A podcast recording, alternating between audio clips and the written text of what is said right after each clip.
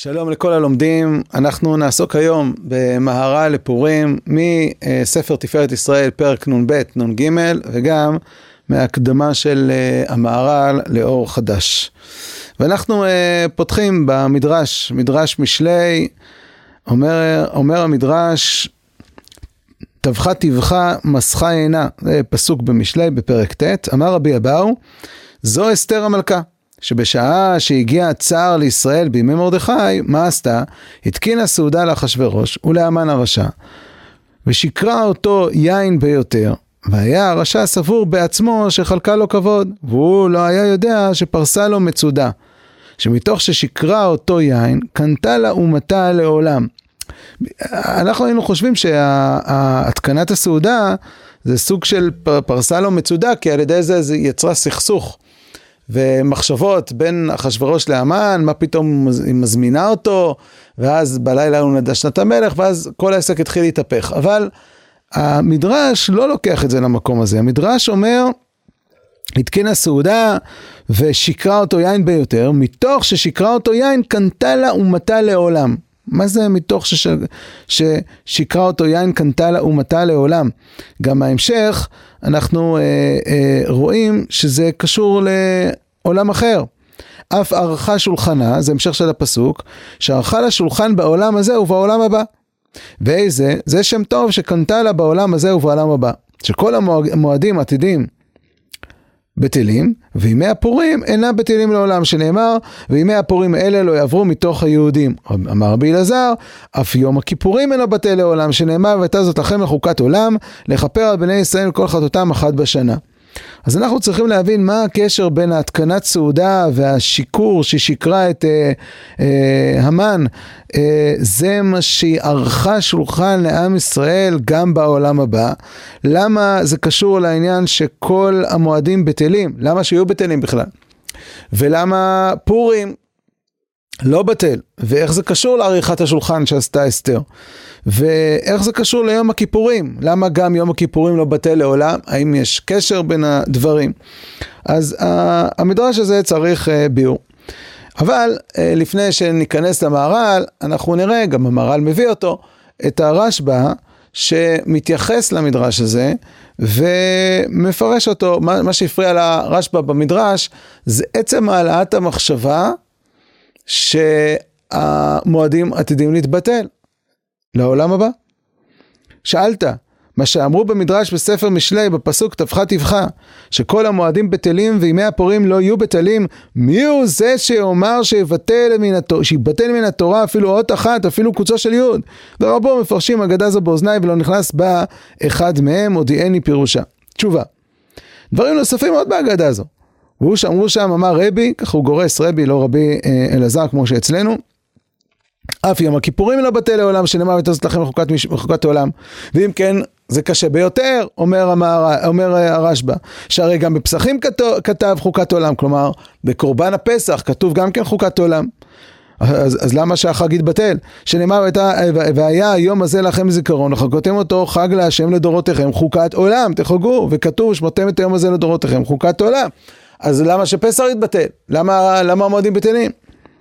על כן נראה לי פירושו.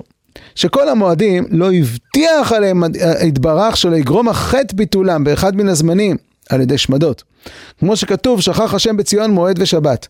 אבל בימי הפורים הבטיח, וכתוב, לא יעברו מתוך היהודים וזכרם לא יאסוף מזרם. לא יעברו ולא יאסוף, השאום הבטחה ולא אזהרה. כלומר, זה שאנחנו מצווים לקיים את המצוות כל הדורות כולם, ובכלל זה את כל המועדים, זה פשוט, התורה לא תתבטל, אומר הרשב"א. אז מה זה שכתוב שהפורים לעולם ושאר המועדים יתבטלו? הכוונה ששאר המועדים אין הבטחה שלא יהיה עליהם גזרות שמעת, שלא יהיה עכשיו איזושהי אה, גזרה מאת הגויים, שאנחנו לא נוכל לעשות פסח, שאנחנו לא נוכל לעשות שבועות, לא נוכל לעשות סוכות, ראשון שנה, יום כיפור לדעה הראשונה. ועל זה אומר הרשב"א, יש הבטחה שפורים לא יגזרו עליו. פורים, אנחנו תמיד נוכל לחגוג אותו. ו... על פי זה הוא גם מפרש את יום הכיפורים לדעת רבי. אחרי יום הכיפורים, והייתה זאת לכם, הבטחה שתהיה לחוקת עולם שהיום יכפר אפילו לא ישמרו. אז הוא מחבר את זה לדעת רבי שסובר שיום הכיפורים עצ... עצמו של יום מכפר בין השווים, בין שאלה שווים, גם אם לא תעשו בכלל את יום הכיפורים, יום הכיפורים מכפר כשלעצמו. ולכן יש לנו פה חוקת עולם לדעת אה, רבי. כך אה, מסביר הרשב"א, למעשה הרשב"א מסביר שיש פה הבטחה שחג הפורים אנחנו נוכל לחגוג אותו תמיד. המהר"ל בתפארת ישראל פרק נ"ג מביא את הרשב"א הזה, ויש מפרשים מה שאמר כל המועדים עתידים להיות בטלים היינו על ידי גזירת שמד.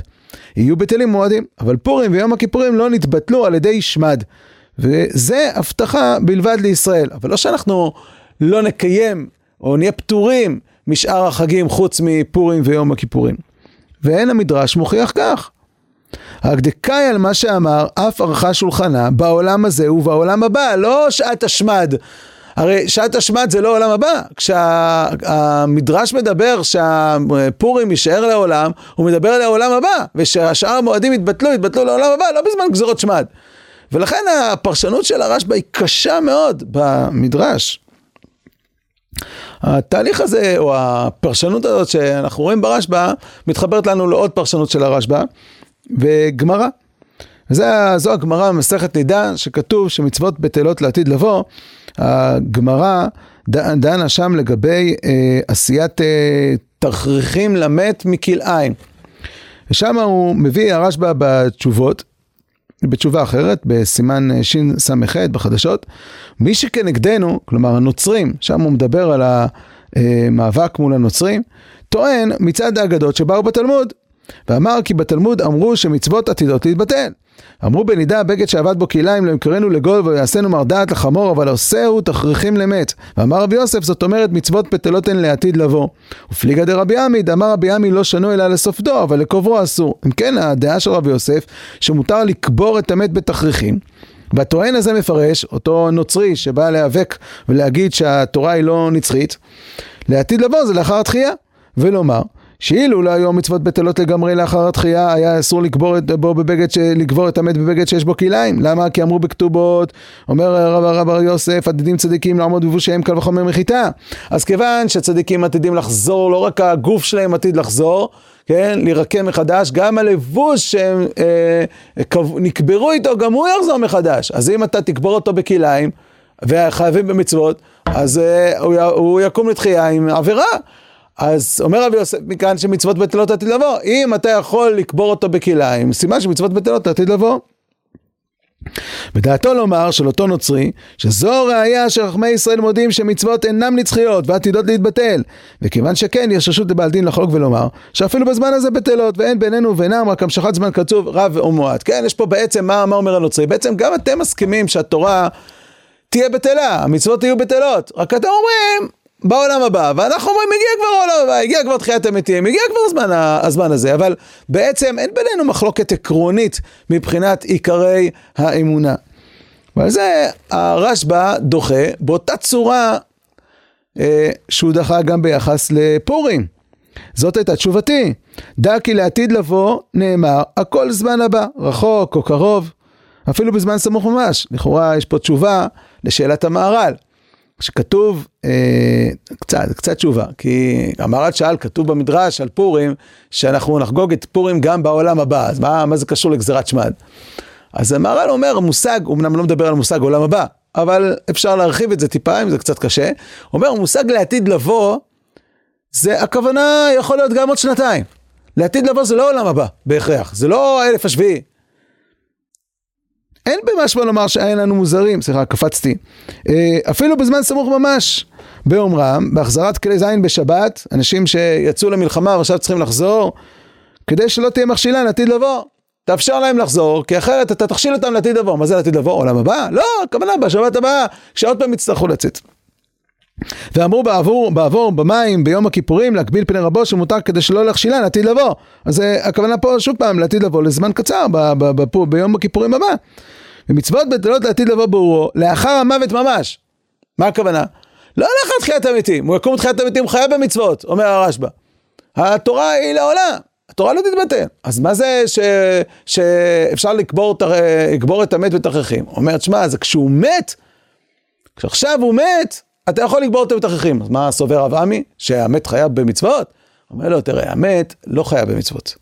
אבל, כמו שילד קטן לא חייב במצוות, אבל לך אסור להעביר אותו עבירה ב- בידיים, אסור לך להאכיל אותו נבלות וטרפות, להזיק גדולים על הקטנים. אומר הרשב"א, היינו חושבים שגם לגבי מת אותו דבר, הוא עצמו פטור ממצוות, אבל אתה אל תעביר אותו מצוות. לכן אומר רבי יוסף, לא, אדם שנפטר הוא מצוות בטלות לעתיד לבוא, הכוונה בזמן הפטירה. ולעומת זאת רב בן חולק, עמי חולק, ואומר לא, באמת המת הוא כמו ילד קטן, הוא עדיין, אתה אל תעביר אותו בעבירות. כך מסביר הרשב"א. אנחנו רואים קו של הרשב"א שחוזר גם במדרש של פורים ושאר המועדים, וגם בעניין של מצוות בטלות לעתיד לבוא, שהוא דוחה את הפרשנות הפשוטה בגמרא. היא הפרשנות של התוספות, וכפי שמאיר פה הריטב"א, הפרשנות הזאת היא לא אפשרית. למה? זו שיטת הרב, הרשב"א ז"ל, וכמה הקשיתי לפניו, חדה, דלישנא מצוות בטלות לעתיד לבוא, אין במשמע לומר שאין לנו מוזרים על המתים. מצוות בטלות זה לא שאתה לא נזקק אה, למת ואתה יכול להעביר אותו עבירה, בניגוד לקטן. מצוות בטלות זה אומר שלא חייבים. ועוד, איך יעלה על הדעת שיהיה רבי ינאי סובר שאף על פי שמת אדם אנו מוזרים עליו? איך זה דומה לקטנים הבאים לעולם שאנו חייבים לחנכם ולגדלם במצוות? מה אתה משווה בכלל? ילד קטן הוא עכשיו אמנם פטור אבל הוא יהיה חייב ולכן מחנכים אותו למצוות. אדם שהוא מת הוא פטור, מה שייך להגיד, למה שרבי עמי יגיד שעכשיו אנחנו אה, חייבים עדיין שלא להעביר אותו מה, להעביר אותו בחטאים? מה, מה, זה, מה הפשט של זה? ועוד, מביא הרבה מקורות שברור שבעולם הבא יש אה, פטורים ממצוות. מה שאמרו, העולם הבא אין בו לא זכות ולא חובה, שהוא על זמן תחיית המתים, ולא על עולם הנשמות, קדמו חמוד אמרינן נפליגה דשמואל, אז מכאן רואים שיהיה תקופה שלא יהיה זכות וחובה, זאת אומרת לא יהיה חובה של מצוות. מצוות יתבטלו, וכן בהגדה בראש מסכת עבודה זרה, מוכח שהיו זמן תחיית המתים, ביום השם הגדול והנורא, ואמרו היום לעשותם ולא מחר לעשותם. ולא הניח דעתי בתשובותיו, ואין לנו אלא שיטת הראשונים ז"ל. שזה התוספות והרעה והריטב"א, שסוברים פשט הסוגיה, מצוות בטלות לעתיד לבוא. בזמן תחיית המתים, המצוות יהיו בטלות. שזה תואם גם את פשט המדרש במשלי לגבי uh, כל המועדים. אז איך הריטב"א מסתדר עם זה שהתורה לא תהיה בטלה? אז הריטב"א במסכת דף ס"א, שם, מסביר. עד אמרינא זאת אומרת מצוות בטלות לעתיד לבוא פרשו הראשונים לעתיד לבוא לזמן תחיית המתים ואם לחשכה מין מתלמידי ישו לומר כיוון שמצוות בטלות לעתיד לבוא נמצא שלא ניתנה התורה אלא לזמן לפיכך היה רשות לישו להוסיף ולגרוע ממנה בעצם עכשיו אנחנו מבינים שמזה וככה אנחנו ראינו גם בתשובה מזה ברח הרשב"א. הרשב"א פירש את הגמרא פה, וגם את המדרש במשלי, שלא כפשוטו, לא בגלל שזה פשט הגמרא, והגמרא, איך שהוא מפרש אותה, היא קשה מאוד. המדרש, איך שהוא מפרש אותו, הוא קשה מאוד. אלא בגלל שהוא רצה לתת איזושהי הגנה מפני תרעומת המינים, כדי שהמינים לא ישתמשו בזה כנגד ה... וינסו להכשיר את הנצרות, אז הוא יצר איזושהי חומה. אז אנחנו הולכים עם פשט הגמרא. מה, מה עם הטענה של הנוצרי? הוא אומר, זה לא טענה בכלל. אף אתה אמור לו. מי שליבו נוקפו אומר כן, שהתורה לא ניתנה לזמן. אבל כל זמן שיהיה העולם הזה קיים, יש לו, שיש בו זכות או חובה, ממנה אין לגרוע ועליה להוסיף. אבל העולם הבא, שאין בו לא, חובה, לא זכות ולא חובה, נמצאת בטלה מאליה. אומר הריטב"א, תקשיב, התורה מחייבת את מי שיש לו חופש בחירה. את מי שיש כבר במעשים שלו תגובה של שכר ועונש. מי שנמצא עכשיו בעולם שאין לו חופש בחירה ואין שכר ועונש, ממילא אין תורה, לא בגלל שהתורה בטלה. התורה ניתנה למישהו בעל בחירה. כמו שהתורה היום לא בטלה, כשיש בעל חיים, הוא, הוא לא חייב בתורה. למה הוא לא חייב בתורה? הנה, עכשיו זה זמן התורה, כי התורה לא מדברת עליו. התורה לא מדברת על מי שנפטר, ואחרי זה קם בתחיית המתים, והמתים חופשי, הוא מגיע לחיי העולם הבא, שאין בו לא זכות ולא חובה, זה כבר זמן קבלת השכר. התורה לא מדברת על הזמן ההוא. זה מה שאומר הרידב"א. ולכן התורה לא בטלה, זה לא נקרא שהתורה בטלה, אבל כשאנחנו נמצאים עדיין במקום שיש חופש בחירה, יש שכר, יש עונש, מה שייך אה, לדבר על אה, שהתורה תהיה בטלה? וזו התשובה לנוצרים. כך, וזאת תשובה גמורה, וכן דעת מורי המובהק, וכולי הרעה. אז בעצם הריטווה תירץ, אבל בעצם מה הריטווה אמר? הריטווה אמר שהתורה תהיה בטלה על העולם הבא. לפי זה, מה עושים עם המדרש במשלי? המדרש במשלי אומר, כל המועדים בטלים, חוץ מפורים, מה?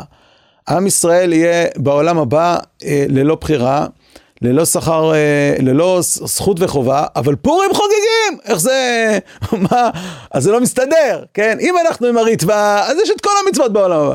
אם אנחנו עם, הר...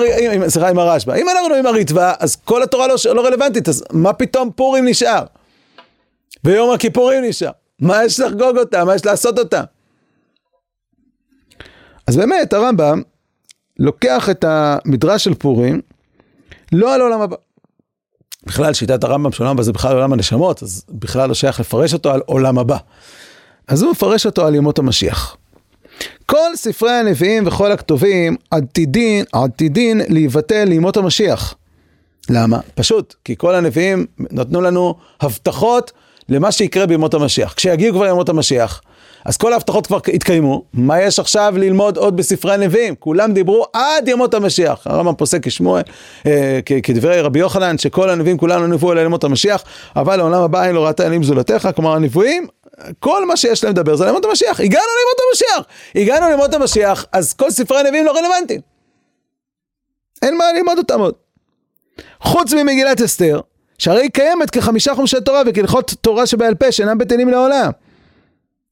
כלומר, אומר הרמב"ם, בימות המשיח, נכון שההבטחות של הנביאים כבר לא רלוונטיים, כבר עברנו אותם. אבל בפורים יש משהו שהוא ערך, הוא איזשהו משהו פנימי, שהוא שייך ללמידה גם בימות המשיח.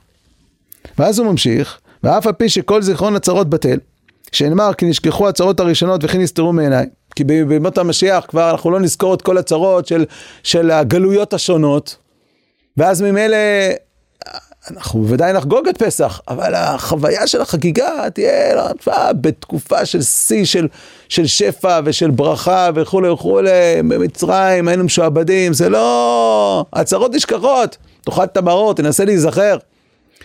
אומר הרמב"ם, אבל הצהרה של פורים, גם בימות המשיח שייכת. ימי הפורים לא יתבטלו, שנאמר בימי הפורים האלה לא יעברו מתוך היהודים וזכרם לעשו מזרם. זה הפרשנות של הרמב"ם, שבימות המשיח הצרה של פורים רלוונטית. למה? כרגע אפשר לפרש בצורה יחסית פשוטה. מה יש בימות המשיח? בימות המשיח אין שיעבוד מלכויות. זאת אומרת שכל אומות העולם יכירו באמונת ישראל, יראו עין בעין את האמת, וממילא כל מי שמכיר באמת, ילך אל הר השם, ומלא הארץ זה את השם. אבל עמלק, שזה עניינו של פורים, טוב זאת זיכרון בספר ושים באוזני יהושע, כמו שחז"ל דורשים במסכת מגילה, שכל העניין של פורים זה מחיית עמלק. עמלק, הוא בא מתי? הוא בא ביציאת מצרים, הוא בא אחרי עשרת מכות, הוא בא כשעם ישראל יש עננים מסביבם ויש מן שיורד, הוא בא לא בגלל שהוא לא מכיר בהם, יש אמת. אבל אני מכיר את בורי ומורד בו. אז עמלק הוא השונא של ישראל, שגם כאשר האמת ברורה, גם כשהקדוש ברוך הוא נוכח, גם כשיש שכינה, הכל, הניסים גלויים, גם אז הוא נלחם בישראל. ולכן פורים, וצרת פורים, היא קיימת גם בימות המשיח. עמלק יישאר גם בימות המשיח. אולי זה היסוד, מלחמה להשם בעמלק, מדור דור, גם בדור של משיח, עמלק נשאר, כל האומות כבר מכירים באמת, אבל עמלק הוא שונא, הוא לא אויב, הוא לא מישהו שלא ידע את האמת. גם בזמן ידיעת האמת הוא עדיין נאבק בישראל, לכן זה גם שייך בימות המשיח. לכן אומר הרמב"ם, כל הצרות יישכחו. אבל פורים, הצרה תישאר, אנחנו נחגוג את פורים תמיד בשמחה גדולה, בהתרוממות רוח, כי תמיד המאבק מול עמלק הוא קיים. זה הפרשנות לכאורה פשוטה ברמב"ם. אבל בניגוד לרמב"ם ולריטב"א, המהר"ל לא הולך לא כך ולא כך. המהר"ל, כבר ראינו, שהוא מפרש שפורים לא יתבטל לעולם הבא. לא כמו הרמב"ם שאומר על ימות המשיח. הוא אומר, כתוב במדרש, עולם הבא. אל ת, תדבר איתי לא על שמדות ולא על ימות המשיח. פורים לא יתבטל לעולם הבא. זה אחד. שתיים, מצד שני אומר המהר"ל, אני גם לא עם הריטב"א. הריטב"א אומר שהתורה תתבטל בעולם הבא? איך הוא יסביר את, ה... איך הוא יסביר את פורים? התורה לא תתבטל בעולם הבא. ופה המהר"ל בפרק נ"ב מחלק בין תורה לבין מצוות. וכך כותב המהר"ל. התוספות פירשו דמצוות בטלות העתיד לבוא כשיעמדו בלבושיהן, לפיכך מותר בכליים, והרי תוספות מפרשים כי מה שאמר מצוות בטלות לעתיד הוא לזמן התחייה. מתי יתבר שמה שאמר מצוות בטלות הוא לזמן התחייה. ומכל מקום, אין לומר בזה כלל שהתורה חס ושלום תהיה בטלה, שאם כן, היה לו לומר, זאת אומרת התורה תהיה בטלה, אבל אמר מצוות בטלות לעתיד, שלא יהיו בסגנון זה שהם עתה. כי התורה היא סדר עולם הזה, כמו שביארנו, אבל לזמן התחייה הוא עולם הבא, אין לו סדר עולם הזה. לכך מצוות התורה יהיו בטלים, כפי מה שהוא סדר עולם התחייה.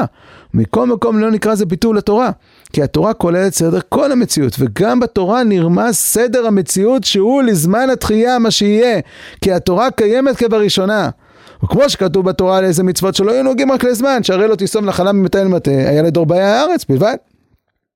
ולא יאמר זה שהתורה חס ושלום בטלה, אבל הוא יאמר שכך אמרה התורה, שהמצווה היא לזמן זה ולא יותר.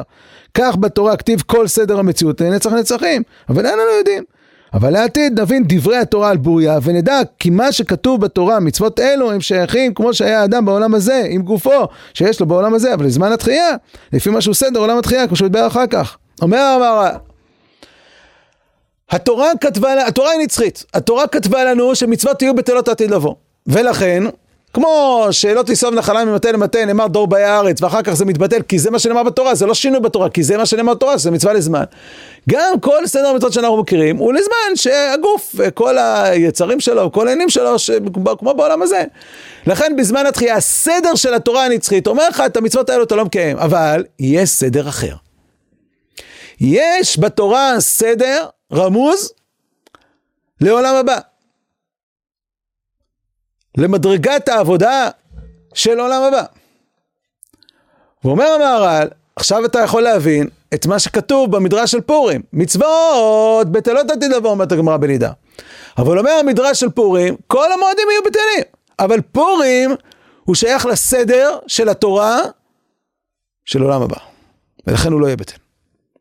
לפי המהר"ל, המדרש, המדרש במשלי הוא כפשוטו ממש.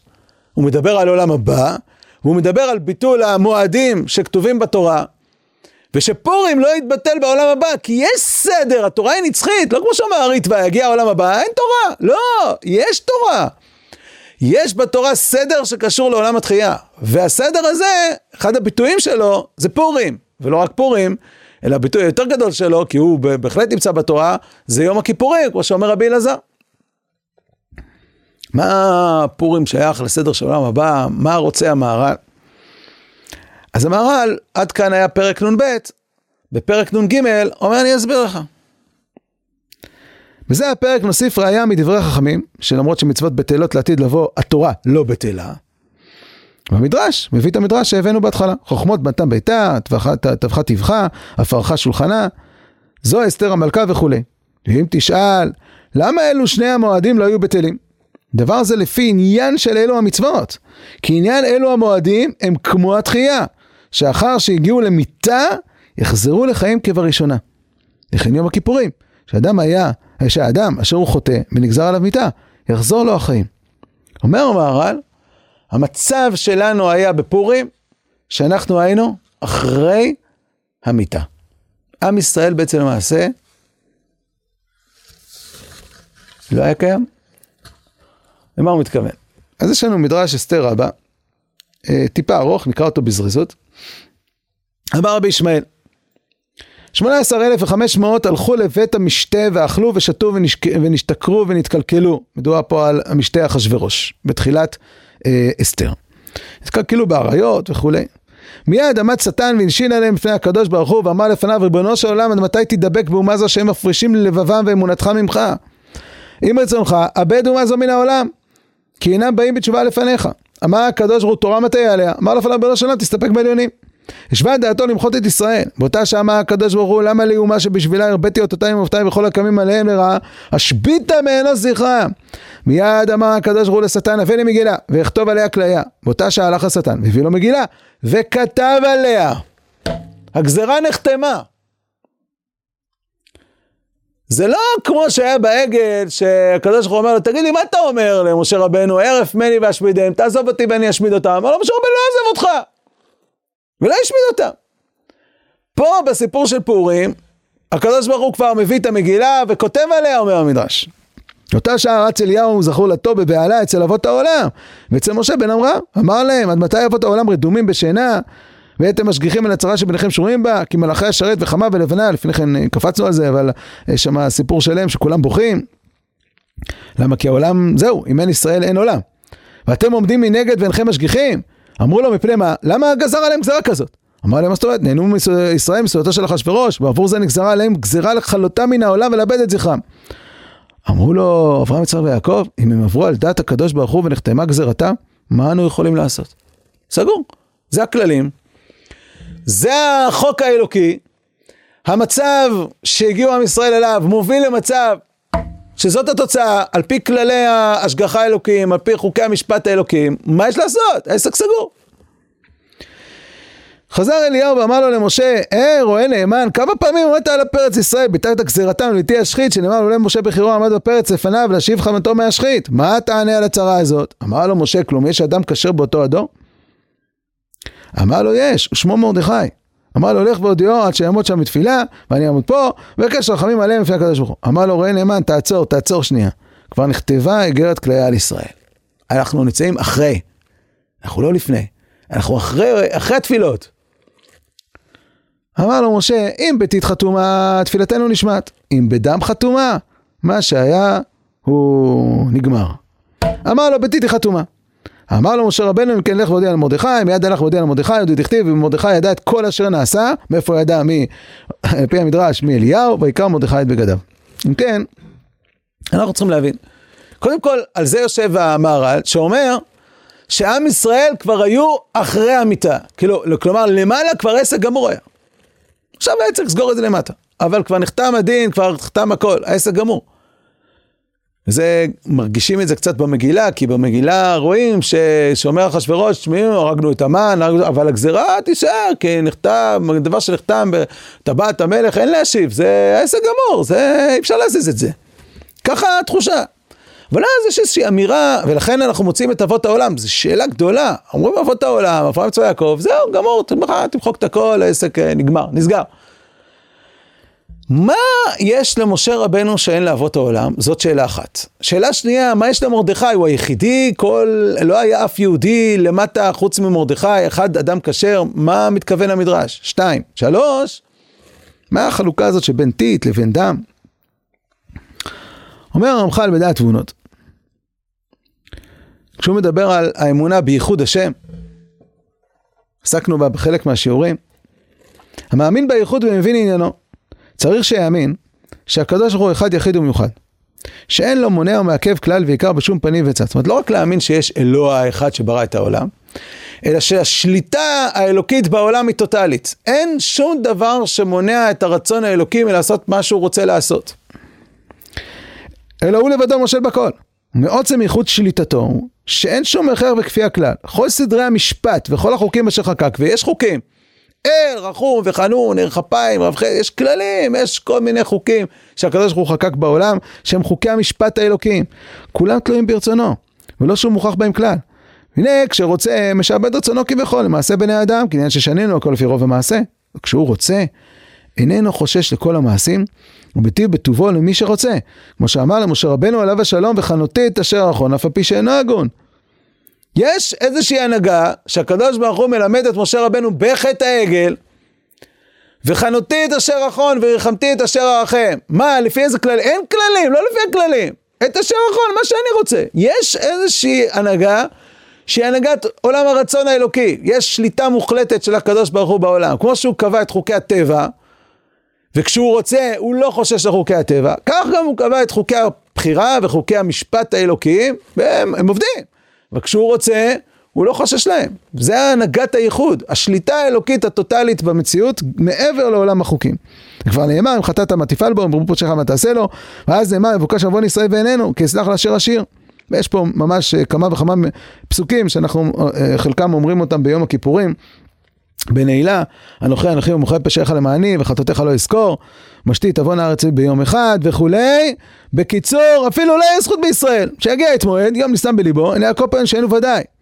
יש איזושהי הנהגה שנקראת הנהגת האיחוד, שאומר הרמח"ל, והוא מוסיף שזה זה מה שאנחנו צריכים להאמין, כשאדם מאמין בייחוד השם, שמע ישראל השם אלוקינו השם אחד, אין שום שולט ומושל אלא הוא, כולל חוקי המשפט האלוקיים שהוא קבע בעולמו. הדבר הזה, לדעת הרמח"ל, זה מה שהולך להתגלות בעולם הבא. כל מטרת התהליך העולמי בעולם, כל התהליכים האלוקיים שקורים, זה כדי שיגיע האלף השביעי ויתגלה ייחוד השם בפועל. וככה הוא כותב, מפי העליון, פי עליון מעיד בעצמו ומודיע כי כל הנלקט מכל מסיבותיו הגדולות, כל התהליכים האלוקים אשר מתהפך בעולמו, הלא הוא גילוי ייחוד הגמור הזה. כעניין שאמרו ראו אתה כי אני אני הוא ואין אלוהים עמדי. אף אחד אין שליטה, רק אני שולט. מקרא זה אמר אחר שכלל כל סיבוב הגלגל אמר שעתיד הוא מזומן להיות וסובב בעולם שנכלל כל, כל דברי השירה הזאת, שירת תאזינו שפותחת מהבריאה ומסיימת בתיקון הסופי. הוא אומר מה המטרה של כל התהליך הזה? ראו אתה כי אני אני הוא ואין אלוהים עמדי. בדברי הנביא ישעיין דבר לידי אמן תדעו ותאמינו ותבינו כי אני הוא ולפניי יוצר אל ואחריו לא, אה, לא, לא יהיה ואחריי לא יהיה. אנוכי אנוכי השם ואין בלעדי משיח הוא מביא עוד ועוד עוד פסוקים למען תדעו מזרח מערבה כי אפס אה, בלעדיי אני השם ואין עוד. יוצר אור ובורא חושך עושה שלום ובורא רע אני השם עושה כל אלה. תכלית כל ההצלחה הוא הבטיח לישראל הוא יתברר ייחודו לעין כל. כל המטרה שאנחנו מדברים על העולם הבא מה יש בעולם הבא? עולם הבא זה הגילוי שכל הדברים שכרגע נראים שהם מתנהלים עצמאית, יש חוקי מזל, יש חוקי טבע, יש חופש בחירה של האדם, יש חוקי השגחה אלוקים, כל מיני דברים שפועלים במציאות כחלק מהחוקיות. אומר הרמח"ל, עתיד לבוא יתגלה שבעצם כל אלו הם כלום. בעצם הכל היה שליטה אלוקית מוחלטת. לא ניכנס עכשיו להבין את הדבר הזה, אבל זה הידיעה שתתברר בעולם הבא. אומר הרמח"ל, זה משהו שכרגע אנחנו לא יכולים לראות אותו, אנחנו להפך מסתכלים ורואים שיש לנו הרבה שאלות על מה שקורה במציאות, כן? אבל uh, אנחנו לא רואים את השליטה האלוקית בעולם. ו... אבל צריך להאמין בזה. צריך להאמין בזה. לדעת הרמח"ל, כל השכר שיש בעולם הבא, השגת השם שיש בעולם הבא, היא רק ייחוד השם. כלומר שאין עוד מלבדו שולט ומושל. זאת ההשגה היחידה שאפשר להשיג. אומר הרמח"ל, כל הידיעות האחרות באלוקות אי אפשר להשיג אותן. כל המידות האלוקיות שהן מידות חיוביות, אפשר להשיג אותן. כמו שאומר הרמב"ם, שאי אפשר להשיג את האלוה בעצמו ב- בידיעה חיובית. מה אתה יכול להשיג? על דרך השלילה. זאת אומרת, מה הוא לא. אומר הרמח"ל, זה בעצם הידיעה היחידה שאתה יכול להשיג כמידה אלוקית, שכל כולה היא על דרך השלילה, זה שאין שום שולט ומושל אלא הוא. כל שאר מעלות שלמותו הבלתי בעלת תכלית אינם מתבררים אצלנו כלל, אין בנו כוח להשיג אותם. דרך משל ידענו שהוא חכם, אבל לא השגנו סוף חוכמתו, ידענו שהוא יודע, אך לא השגנו ידיעתו. מכיוון שאיננו יכולים להשיג המעלות האלה, נמשך ממנו האיסור חקירה בהם. מאופני מיכל תדרוש, מכסה מיכל תחקור. ואמרו מרצים חשוב למקום, אבל ייחודו, אדרבה, זה מתגלה ומתברר לנו בירור גמור, זה משהו שנוכל להשיג אותו, ונשיג אותו לעתיד לבוא, הוא יתגלה גם בפועל לעתיד לבוא. אומר המהר"ל, חוזרים לפורים. מה היה בפורים? מצד הגזרה האלוקית, חוקי השגחה אלוקיים, המצב של עם ישראל היה שהם היו צריכים, זהו, להיכחד מן העולם. לפיכך פורים, אשר הגיעו לחרב, על פי סדרי המשפט וההשגחה. וחזר להם החיות, אין ספק שהגיע להם דבר זה ממדרגה עליונה, שממנה החיות, שלא בטבע, לא לפי כללי המשפט, לפי כללי המשפט הטבעיים, עם ישראל היה ראוי להינצל. כי החיות הטבעי כבר נגזר על זה, על זה מיתה, וזה, ואי אפשר. אלא שרק פתח להם השם יתברך שער העליון, אשר ממנו חזר להם החיים. אנחנו עכשיו מבינים למה אבות העולם אומרים, שמע, העסק גמור. הם צודקים שהעסק גמור, לפי חוקי המשפט. אבל משה רבנו קיבל בחטא העגל איזושהי אמירה וחנותית אשר אחרון אף על פי שאינו הגון. יש איזושהי מדרגה של הנהגת האיחוד, שאם אתה חושף אותה, אתה יכול להגיע למקום שקדוש ברוך הוא מוחק, לא לפי הכללים, אין כללים. לכן יום הכיפורים, אחר שנגזר עליו מיתה, הרי יום הכיפורים הוא אחרי ראש השנה. תמיד שואלים, קודם כל, תעשה לנו את יום הכיפורים, עשיתם את תשובה, אנחנו נעשה תיקון, אחרי זה יגיע גזירה אלוקית, אחרי זה יגיע משפט. לא! קודם כל יש משפט, מה אתה צריך לקבל? אז מה יש אחרי, אחרי המשפט? אחרי המשפט נגמר הדין. אבל לא, יום כיפור זה התגלות של הנהגת האיחוד. שמה? גזרתי בראש השנה לפי הכללים, ביום הכיפורים מתגלה הרצון האלוקי, אנוכי אנוכי ומחולל פשעיך למעני וחטאותיך לא יזכור.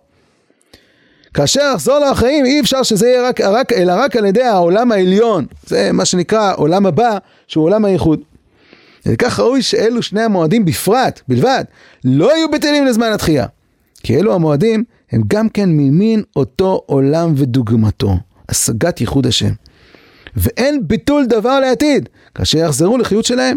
כי אלו שני המועדים גם כן כך, שאחר שנגזר מיתה חזר לחיים מן השם יתברך, מאחר כי מדרגתה מעולם העליון, אין ביטול להם אף לזמן התחייה, כמו שהתבטלו ענייני העולם הזה. ואין זה נחשב ביטול התורה, כמו שהתבהר למעלה. כי עולם התחייה הוא סדר אחר, והשם יתברך סידר העולם כפי מה שראוי לעולם. עכשיו אנחנו מבינים, שמעשה אומר המהר"ל, שיום הכיפורים רמוז בו תכף ננסה להעמיק יותר, אבל רמוז בו העניין הזה של הנהגת האיכות, שיכול להיות שבמשפט האדם נגזר למיטה, ועכשיו הקדוש ברוך הוא מציל אותו, מקיח אותו לחיים, מכוח מה? הרצון האלוקי. ושם רמוז בעצם ביום הכיפורים, את אותה הצלה שתהיה בפורים. ושניהם, שני המועדים הללו, קשורים בעצם לעולם התחייה, לעולם הבא. לכן כל הסדר של המועדים התבטל בעולם התחייה. כי הוא שייך לעולם הזה. אבל הסוגיה של ידיעת הייחוד, כל עניינה זה עולם הבא. אז ברור ששני המועדים האלה הם שייכים לסדר של עולם התחייה, לכן התורה לא מתבטלת. יש סדר של עולם התחייה, ופורים ויום הכיפורים זה אחד הדברים שאנחנו יכולים לדעת, שאומר המדרש, שהם שייכים לסדר של התורה של עולם התחייה. התורה לא תתבטל, וזה מה שכתוב, ולא יעבור. אה, למה? או יותר נכון, איך? איך דווקא בפורים גם ביום הכיפורים. מה יש בעבודת יום הכיפורים? מה היה בפורים שהתגלה ההערה הזאת של הנהגת הייחוד? אז המדרש קושר את זה למרדכי. יש איזה אדם כשר למטה, אדם כשר במה? אז כדי להבין את זה, אנחנו צריכים להבין עוד נקודה שאומר הרמח"ל בסוגיית ייחוד השם. אומר הרמח"ל, המאמין בייחוד ומבין עניינו, צריך שיאמין שהקדוש ברוך הוא אחד יחיד ומיוחד, שאין לו מונע, מעכב כלל ועיקר בשום פנים וצד, אלא הוא לבד המושל בכל. לא מבעיה שאין רשות נגדו חס ושלום, אלא הוא עצמו בורא הטוב והרע. יש רע בעולם. הסתכלות הראשונה שלנו, יש את האלוה, יש את הטוב, יש רע בעולם, ואנחנו נאבקים איתו. אומר הרמח"ל, בתפיסת הייחוד, הרע שנמצא בעולם, בשורשו, הוא יצירה אלוקית. האלוה רוצה בשורש שיהיה רע בעולם. הוא לא רוצה שאתה תלך איתו, הוא רוצה שאתה תילחם בו. אבל הוא יצר אותו, יצר אור ובורא חושך, עושה שלום ובורא רע, אני השם עושה כל אלה. מי שמכיר באיחוד יודע שהרע נמצא בעולם, הוא בעצם עבד של הקדוש ברוך הוא, הוא משרת את המגמה האלוקית, הוא לא יחידה עצמאית. שאין החלטותיו שיהיה לו שליטה בעולם. דהיינו, אין שום שר ושום כוח שני, הוא לבדו משגיח. אומר, זה מה שהיה צריך אדם הראשון להאמין, להאמין באיחוד. מה זאת אומרת? הוא רואה שיש עץ הדעת טוב ורע, הוא רואה שיש רע בעולם. אבל הוא צריך לדעת שאינו אלא שקר מדומה. מכלל הרע שברא, הוא יתברר שמו להודיע אמיתת ייחודו, לנסות בו את האדם עצמו, לתת לו זכות. אז היה צריך להאמין שהרע הזה הוא פיקציה, הוא לא אמת. הוא יצירה של הקדוש ברוך הוא שנועדה כדי להעמיד אותו בניסיון. מה היה החטא של עם ישראל שהתחייבו כליה? אז יש גמרא במסכת מגילה, שאומרת ששאלו תלמידיו את רשב"י, למה התחייבו ישראל, שונאים של ישראל כליה באותו הדור? למה השאלה הזאת נשאלת? הם לא שאלו את זה על אף גזירות שמד. כי אף פעם לא הייתה גזירת שמד על כל ישראל למעלה. פעם אחת בעולם זה קרה, בפורים. עם ישראל התחייב כליה למעלה, בגזירה האלוקית. שאלו התלמידים, מדוע ישראל באותו דור התחייבו כליה? למה השם גזר עליהם כליה? אומר לו רשב"י, תגידו אתם. אמרו לו, נהנו בסודו של אחשוורוש. אמר להם, אז מה, זה רק חבר'ה שבשושן? אמרו לו, אז למה? אמר להם, שתחוו לצלם. זו שאלה עכשיו צריך לשאול את רשב"י, אם שתחוו לצלם, זה בכלל דור קודם, מה, מה הקשר? יש לנו גמרא בסרט סנהדרין. הגמרא בסנהדרין אומרת, שכשעל הסיפור של נבוכדנצר, צלם של נבוכדנצר, שבאו זקנים וישבו לפניו, אמרו ליחזקאל, תקשיב, עבד שמחרו בוא, כלום, יש לעבד עליו כלום, זהו, אנחנו כבר לא קשורים לקדוש ברוך הוא. כשהיינו בארץ ישראל, היינו תחת חסותו של השם, היינו תחת חסותו, חייבים לקיים את המצוות. עכשיו אנחנו תחת אה, חסותו של נבוכדנצר, אנחנו שתחווים, צריכים להשתחוות לנבוכדנצר. אנחנו תחת חסות נבוכדנצר. אומר להם יחזקאל, אומר הקדוש ברוך הוא, טעות. למה טעות? הוא אומר, מה זאת אומרת? דוד עבדי, נבוכדנצר עבדי. מה זאת אומרת? מי זה נבוכדנצר? מי את נבוכדנצר? נבוכדנצר זה מישהו שבא נגד הקדוש ברוך הוא והחריב את ביתו? אני החרבתי את ביתי על ידי נבוכדנצר. עבד שקנה נכסים, עבד למי? נכסים למי? אתם שייכים אליי גם כשאתם נמצאים תחת נבוכדנצר. כשעם ישראל משתחווים לצלם, הם כופרים בייחוד. למה? כי הם תופסים שיש רע בעולם והוא עצמאי. אומר המהר"ל באור חדש בהקדמה, ברור שהסעודה של אחשורוש היא גילוי מילתא, היא המשכיות להשתחוות הצלם של נבוכדנצר. למה? כי ברגע שהלכו לסעודתו של אחשורוש, בעצם מה, מה הם אומרים? הם אומרים שהם נמצאים נתינים של אחשורוש, הם הולכים, הם עכשיו אה, עבדים, של, הם היו עבדים של נבוכדנצר, אחרי זה נבוכדנצר נפל, עלה אחשורוש, אנחנו עכשיו עבדים של אחשורוש. התפיסה הזאת היא הכפירה בייחוד, שיש רע בעולם שהוא עצמאי. כי אם אתה מבין שכל הרע זה פיקציה שיצר בורא עולם, אז אתה לא משועבד לא לאחשוורוש ולא לאחשוורוש, אתה עושה את הרצון האלוקי. מה מיוחד היה במרדכי? אומרים הפסוקים באסתר, אחר הדברים האלה גידל המלך אחשוורוש את המן בן עמדת האגגי וינשאהו. וישם את כיסו מעל כל השרים אשר איתו, וכל עבדי המלך אשר בשער המלך קוראים משתחווים לאמן, כי כן סיבה לו המלך. אם אתה תופס שיש פה כוח עצמי שעכשיו עולה, והוא חזק, והוא עצמאי, אז אתה צריך להשתחוות לו, כמו שהשתחווינו לפסל של נבוכדנצר, כמו שהיינו בסודו של אחשוורוש, עכשיו אנחנו משתחווים לאמן. ומרדכי לא יכרע ולא ישתחווה. כי הגיד להם אשר הוא יהודי, אומר המהר"ל באור חדש במדרש, איש יהודי, למה נקרא שמו יהודי, אבל לא ימיני הוא, מבני בנימין, אלא לפי שייחד שמו של הקדוש ברוך הוא כנגד כל באי עולם, עד הוא דכתיב לא יכרע ולא ישתחווה, יהודי. אומר המהר"ל, לפי שייחד שמו של הקדוש ברוך הוא נקרא יהודי, כלומר יחידי.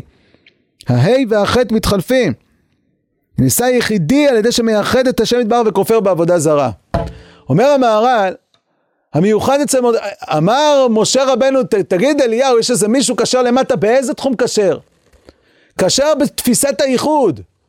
כשר בתפיסה שאין עוד מלבדו שולט ומושל.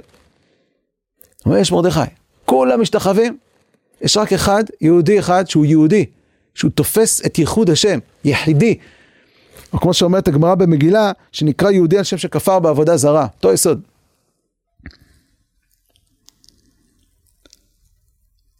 על פי זה אפשר להבין את הגמרא בחולין, שהאמרי לפפונאי, חכמי עיר שדורשים טעמים, פסוקים, לרב מתנה, משה מן התורה מנין, בשגם הוא בשר. ש... בשגם זה בגמטריה משה. המין, המן מן התורה מנין, המין העץ, אסתר מן התורה מנין, אנוכי אסתר אסתיר, מרדכי מן התורה מנין, מורדרו, תרגניין על מרדכי. שואל המהר"ל באור חדש, לא, מסביר המהר"ל באור חדש, מה זה השאלות האלו, משה מן התורה, המן מן התורה. לאחר, לכך לאחר ששאל משה מן התורה, מניין שיש לו רמז בתורה קודם היותו נמצא. זה שמשה כתוב בתורה הוא כתוב בתורה, ומרגע שהוא נולד הוא כתוב בתורה. איפה הוא נרמז בתורה לפני שהוא נמצא? כי זה עדות שמשה שייך לעולם הנצח. לא לרגע שהוא היה נמצא חי, נושם עד שהוא נפטר. כשנרמז בתורה עוד לפני שהוא הגיע לעולם, זה סימן שהוא שייך לעולם הנצח, הוא שייך לעולם של ההנהגה האלוקית. משה מן התורה מנין. משה יכול להיות מן התורה. כי הוא יצירה אלוקית. אז הוא שואל אחר כך, המן מן התורה מנין? כלומר, כי יש לומר שדווקא מי שיש לו מעלה אלוהית, כמו משה רבנו עליו השלום, יש לומר שפני לעלתו אלוהית אינו נחשב גשמי, אז הוא שייך לעולם הנצח של התורה. אבל המן שהוא ההפך זה, שהיה רע, מנין שהוא נרמז בתורה השכלית קודם היותו? עד שיש ללמוד מזה כי נחשב כוח המן, אף שהוא רע מאוד, אין כוח כמו כשאר אדם, אשר הוא טבעי גשמי, אלא כוחו רע בלתי גשמי. הוא יצירה אלוקית. מרדכי רואה את המן, אומר, זה יצירה אלוקית. וכיוון שזו יצירה אלוקית, מי שנמצא מעליו זה הקדוש ברוך הוא. ואני משתחווה לקדוש ברוך הוא. אני יודע, הוא פיקציה. ייחוד השם. ועל זה אמר, בוודאי נרמז בתורה השכלית. אמין העץ. כלומר, כמו שיש לאדם בעל מעלה כמו משה, שאינו נחשב גשמי, כך גם כן בהפך יש אדם שהוא רע מאוד, בשביל גודל הרע שיש בו, זה לא איזה רע שמישהו עשה בעולם, חטא באיזה חטא. זה רע שהוא יצירה אלוקית. שיש לו תפקיד בעולם. הוא חלק מה, מה, מהמלאכים שמנהלים את המציאות לטובת הקדוש ברוך הוא ולתכלית האלוקית. דוד עבדי, נבוכדנצר עבדי. זה התפיסה של מרדכי.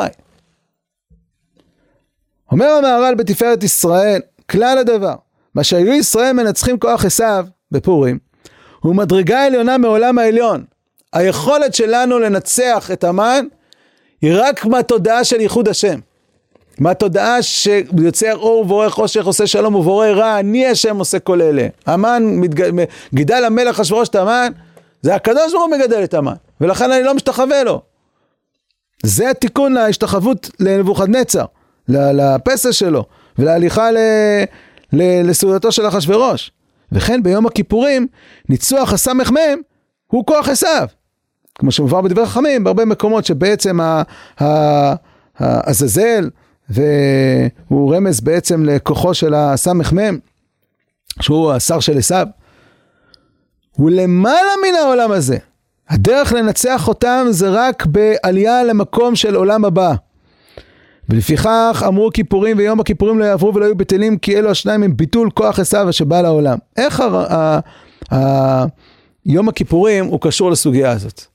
אז זה אנחנו נזכרים ברמב"ן, שאומר שכל העבודה של הכהן הגדול בשני השעירים, אומר מה זאת אומרת, אתה לוקח שעיר ומביא אותו לעזאזל, לפי מדרש חז"ל עזאזל זה הסמ"ם, מה אנחנו מקריבים קורבן הסמ"ם? אומר לא לא לא, אנחנו מביאים את שני השעירים לפני השם.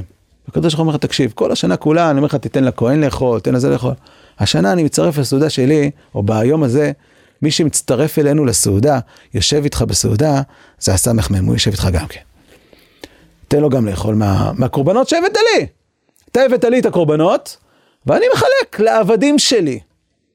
אחד מהעבדים שלי זה לא פחות ולא יותר, אלא הסמ"ם בעצמו. הוא חלק מהעבדים שלי, זה הבירור שהכהן הגדול צריך לברר ביום הכיפורים.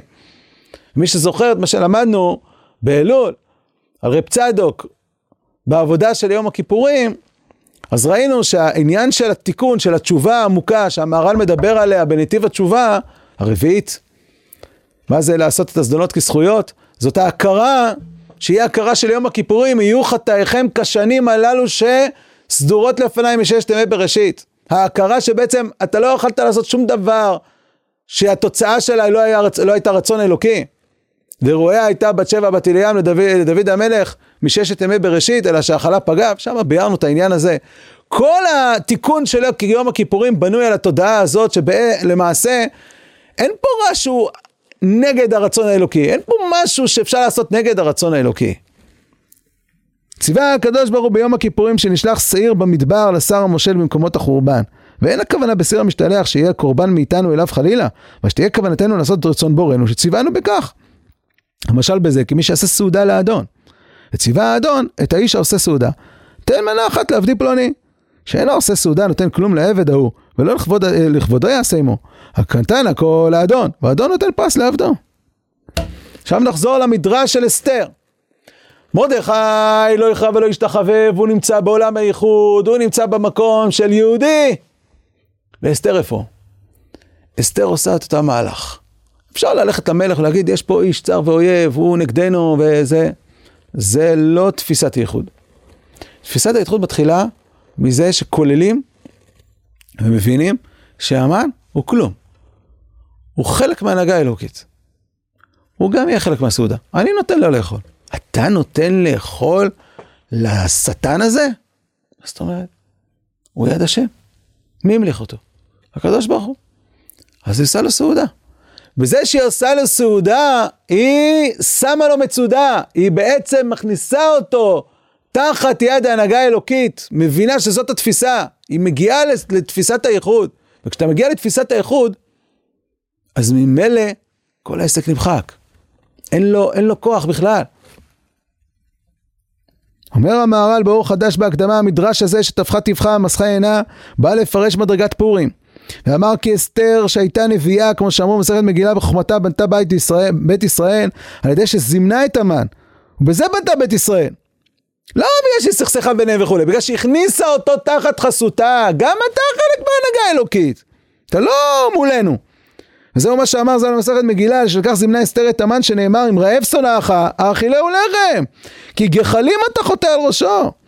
פירוש זה, שכאשר שונא שלך מקבל ממך, וזה כאשר אתה נותן לו לחם והוא חפץ לקבל ממך, הדבר זה הוא נמסר לידך, שהוא מקבל. זה ממש המהלך של שני השעירים, שאומר הרמב"ן בעבודת יום הכיפורים. זו, זה מה שעושה אסתר. אז אנחנו גם מבינים שלפי זה כל העניין של פורים של ונהפוך הוא. ומה זה ונהפוך הוא? אם המן, כל מה שיש לו הוא בעצם תחת יד ההנהגה האלוקית, אז כל מה שהוא בונה, הוא בונה בשביל מרדכי. אז הבית של המן הולך למרדכי, הכסף שהוא אוסף, הכל הולך למרדכי. העץ שהוא מכין למרדכי הולך לו, על העץ אשר הכין לו. כי בעצם הכל הוא תחת יד ההנהגה האלוקית, הוא לא משהו כנגד שצריך להיאבק איתו. וזה גם עניין שתיית היין. הרי מה אומר רבא בגמרא במסכת מגילה? אמר רבא, מחייב איניש לבסומי ופוריה דלא ידע בן ארור המן לברוך מרדכי. אתה צריך להגיע למקום של הנהגת הייחוד. שלא תרד נבוכדנצר כיחידה עצמאית שהצליח להחריב את בית המקדש ברע לחטאים שלנו, החלשנו את הקדוש ברוך הוא ונתנו כוח לנבוכדנצר, עכשיו הוא שולט על העולם, מה לעשות? וצריך להיות תחת ידו. או לאחשוורוש, או לאמן. אין הבחנה בין המן לברוך מרדכי, שנינו כתובים בתורה. שניהם כתובים בתורה, דוד עבדי, נבוכדנצר עבדי, הקדוש ברוך הוא שולט על הכל. אין עוד מלבדו שולט ומושל. אז המהר"ל בפרקים נ"ב נ"ג, וגם בהקדמה לאור חדש, מראה לנו שחג הפורים מסביר בצורה מדויקת את המדרש, שחג הפורים שייך לסדר של העולם הבא שנמצא בתורה, שהוא רמוז כבר בעבודת יום הכיפורים. מה שעושה הכהן הגדול ביום הכיפורים, עושים כל ישראל, עשתה אסתר, עשה מרדכי, ועושים כל ישראל בפורים. ולכן יום הכיפורים כרמז בתורה, ופורים כמשהו שהופיע לרגע במציאות, של הנהגת הייחוד, שכבר משה רבנו מקבל משהו ממנה בחטא העגל. וחנותי את אשר אחון ורחמתי את אשר ארחם, מתי היא מתגלית? כשאנחנו מגיעים להכרה הזאת בעצמנו, אז היא מתגלית. ולכן חג הפורים נאמר עליו, לא יעברו מתוך היהודים. ימי הפורים האלה לא יעברו מתוך היהודים, כיוון שהוא הופעה של הסדר של עולם התחייה. שיהיה חג שמח, בעזרת השם לכולם. יום טוב, המשך לימוד מוצלח.